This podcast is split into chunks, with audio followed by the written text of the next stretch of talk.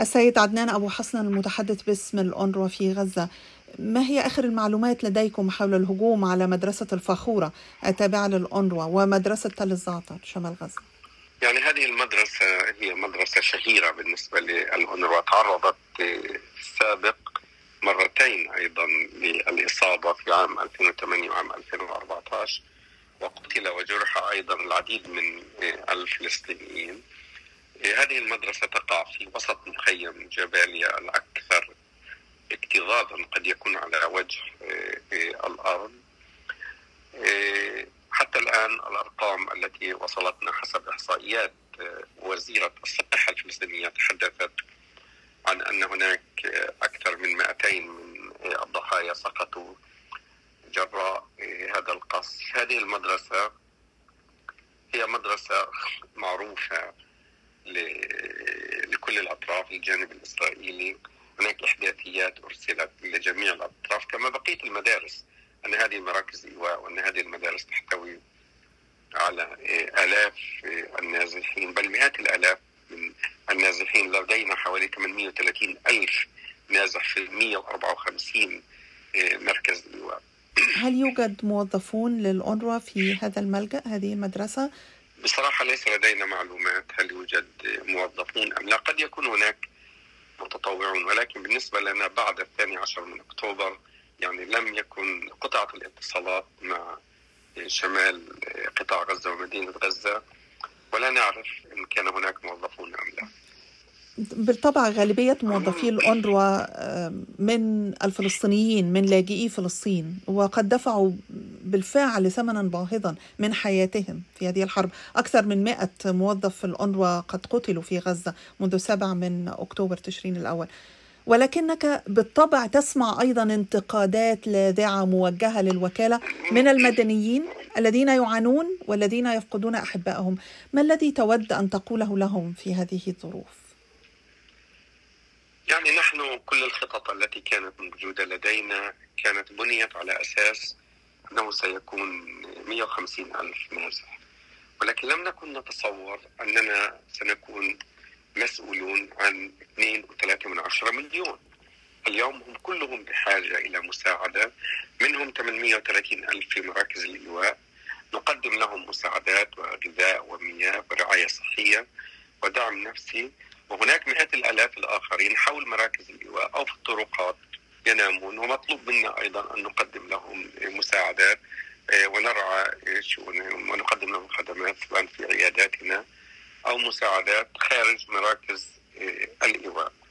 الحدث كبير وجلل يفوق إمكانيات الأونروا وحتى يفوق إمكانيات الدول يعني هناك أحياء كاملة دمرت آه، مئات الآلاف خرجوا من بيوتهم لا يملكون أي شيء. آه، نحن نحاول جاهدين أن نقدم كل ما لدينا يعني كل ما يدخل من معبر رفح يتم توزيعه مباشرة. لكن الاحتياج كبير وما يدخل هو شيء بسيط آه، للغاية. ما يدخل هذا الآن قصف لو تسمعين. هذا. نعم الذي سمعناه هو... الذي سمعناه الآن هو قصف؟ نعم هو قصف بالقرب من المكان الذي أسكن به. في رفح في جنوب غزة. نعم في رفح. حتى البيت يهتز يعني بطريقة معينة. آه، الاحتياج كبير. المطلوب أن نقدم شيء كثير ولكن الامكانيات محدودة. ما يدخل عبر معبر رفح هو شيء نقطة في بحر الاحتياجات الإنسانية. لذلك نحن نتفهم غضب الناس. هؤلاء ناس فقدوا كل شيء. هي نكبه حقيقية نكبه ثانية للفلسطينيين. دمرت بيوتهم لا يملكون أي شيء. آه، مشاهد النزوح تذكرهم أو تذكرهم في الذاكرة الجمعية للفلسطينيين بمشاهد 1948 آه، لذلك آه، الناس غاضبة الناس مستاءة تحتاج الكثير والإمكانيات محدودة للأسف الشديد. وهم ينتظرون من الأونروا أيضا الدعم والمساعدة والحماية. ولكن أنتم في الوقت الراهن لا تمتلكون كل هذه الإمكانيات. نعم هذا صحيح. نحن لدينا خمسة ألاف موظف يعملون الآن على الأرض. كما تعرفين قتل منهم 103 وهو الرقم الأكبر. لم يقتل في تاريخ الأمم المتحدة منذ إنشائها هذا العدد من موظفي الأمم المتحدة في شهر.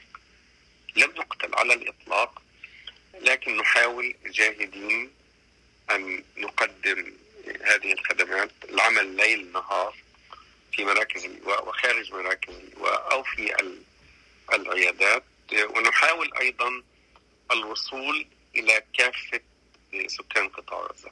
رغم أن التفويض لدينا هو الآن التفويض للأونروا العمل مع اللاجئين ولكن نحن الآن نعمل مع اللاجئين ومع غير اللاجئين. أيضا لأننا الجسم الوحيد الذي بقي متماسكا في غزة رغم كل الأخطار المحيطة بعملياتنا رغم النقص في كل شيء إلا أننا مصممون على البقاء في غزة مصممون على البقاء في خدمة اللاجئين.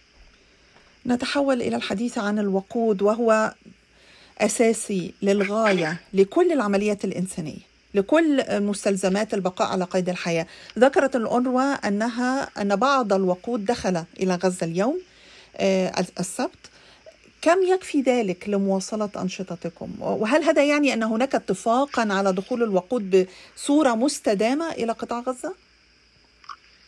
يعني هناك اتفاق معين إحدى منظمات الأمم المتحدة أيضا هي الرئيسة أو تقود هذه العملية بدعم طبعا من الاونروا وبقية منظمات الأمم المتحدة. ما يهمنا هو العمليات الإنسانية في قطاع غزة وعمليات الاونروا نحن بحاجة إلى 160 ألف لتر من الوقود يوميا حتى نحافظ على مستوى معقول من الخدمات الإنسانية. ولا نتكلم عن قطاع خاص أو نتكلم عن مصانع أو لا هذا غير لا نتحدث به.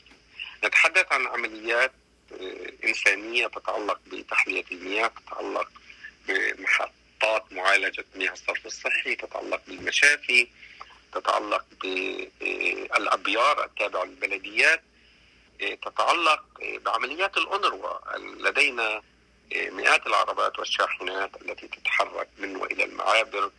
وتقوم بتوزيع المواد الغذائية. هناك عمليات نقل لموظفي الأونر ولدينا خمسة ألاف من العاملين الآن على الأرض. هذا ما نطلبه. يعني نحن لا نطلب أي شيء أكثر من ذلك. وهناك ضمانات الجانب الإسرائيلي يعرف تماما أننا إذا تسلمنا الوقود لا يمكن على الإطلاق لأي فصيل فلسطيني سياسي أو غير سياسي أن يحصل على نقطة من هذا الوقود. ولكن الذي دخل إليكم لا يكفي. لا يكفي على الإطلاق الوقود. كما قلت يجب أن يدخل على الأقل 160 ألف لتر من هذا الوقود حتى نحافظ على مستوى خدمات تعمل. لا نتكلم عن جودة نتكلم عن تشغيل محطات الصرف الصحي حتى لا تتسبب في كارثة بيئية وأمراض. إذا توقفت هذه المحطات تتحدث عن مياه نظيفة تتحدث عن مياه شرب لا أكثر ولا أقل. آخر سؤال أستاذ عدنان حتى لا أطيل عليك. أنت لك تاريخ طويل في العمل مع الأونروا وبالطبع في غزة. لكن كيف تقارن بين هذا الوضع وبين أي وقت آخر حتى في أزمات غزة المتعددة؟ نعم أنا شاهدت حروب كثيرة قبل ذلك في غزة ولكن لم أرى بحجم هذه المأساة إنها نكبة جديدة للفلسطينيين. لم أكن أتوقع أن أرى مئات الآلاف من النازحين الذين تركوا كل شيء. لم أرى في حياتي إزالة أحياء كاملة في مدينة غزة من الوجود. رأيت أناس يعني سكان غزة الأصليون هؤلاء لم يغادروا غزة منذ آلاف السنوات اليوم أصبحوا نازحين ولاجئين في مدينة جديدة. الكل مصاب بصدمة صدمة شديدة. وتشعرين بأنه كابوس. يعني الناس البعض غير مصدق بأن ما حدث قد حدث. يعني اليوم أنا قابلت شخص يعني أتى إلى مقرنا يطلب أن يتم تسجيله في أحد المدارس وبدأ يتحدث ويقول بأنه قد فقد خمسة من أبنائه فقد زوجته وأخته. يتكلم بطريقة عادية يعني هو غير مدرك حتى الآن. هو بالصدمة حتى الآن. ويقول أنه يعني يريد أن يبحث عن مكان ليلجأ إليه لأنه لا يملك أي شيء لا يملك مالا. وقال لي بأنه أتى فقط بملابسه الشخصية. وعندما عرفني باسمه وعرفت أنه ابن يعني أحد العائلات ذات الوضع الجيد في في غزة والتي تملك يعني أعمالا. والآن أصبح لا يملك أي شيء فجأة. وهكذا يعني يعني يفقد الأسرة يفقد العمل يفقد كل شيء ويبحث الآن عن مكان يلجأ إليه يشعر بالأمان. وأن نوفر له بعض من الماء وبعض من المواد الغذائية التي لا يتسلمها كل يوم. وهكذا يعني هذه الديلامة الكبرى التي يحياها الآن مئات الآلاف من الفلسطينيين. طبعا بجانب عدم الإحساس بالأمان. يعني إذا كنت في مدارس أونروا وترفع العلم الأزرق لا تشعر بالأمان. بالشارع لا تشعر بالأمان. بالعربات لا تشعر بالأمان. هذا إحساس لم أشعر به قبل ذلك في غزة. لم أعشه لا أنا ولا غيري من الموظفين. وأحيانا أنا شخصيا يعني أقف وفي رأسي عن ماذا أتحدث؟ هل أتحدث عن المعاناة الجمعية أم معاناة الأفراد الحكايات والحكاوي والروايات؟ كل إنسان لديه قصة. ما قصة فقدان الأهل والمال والعقار والأرض وكل شيء. يعني مرة أخرى يعود الفلسطينيون إلى الصفر. ولا أحد يصدق حتى الآن كيف يمكن أن تتجه الأمور. لا أحد يعرف. لا والسؤال المركزي الذي يطرحونه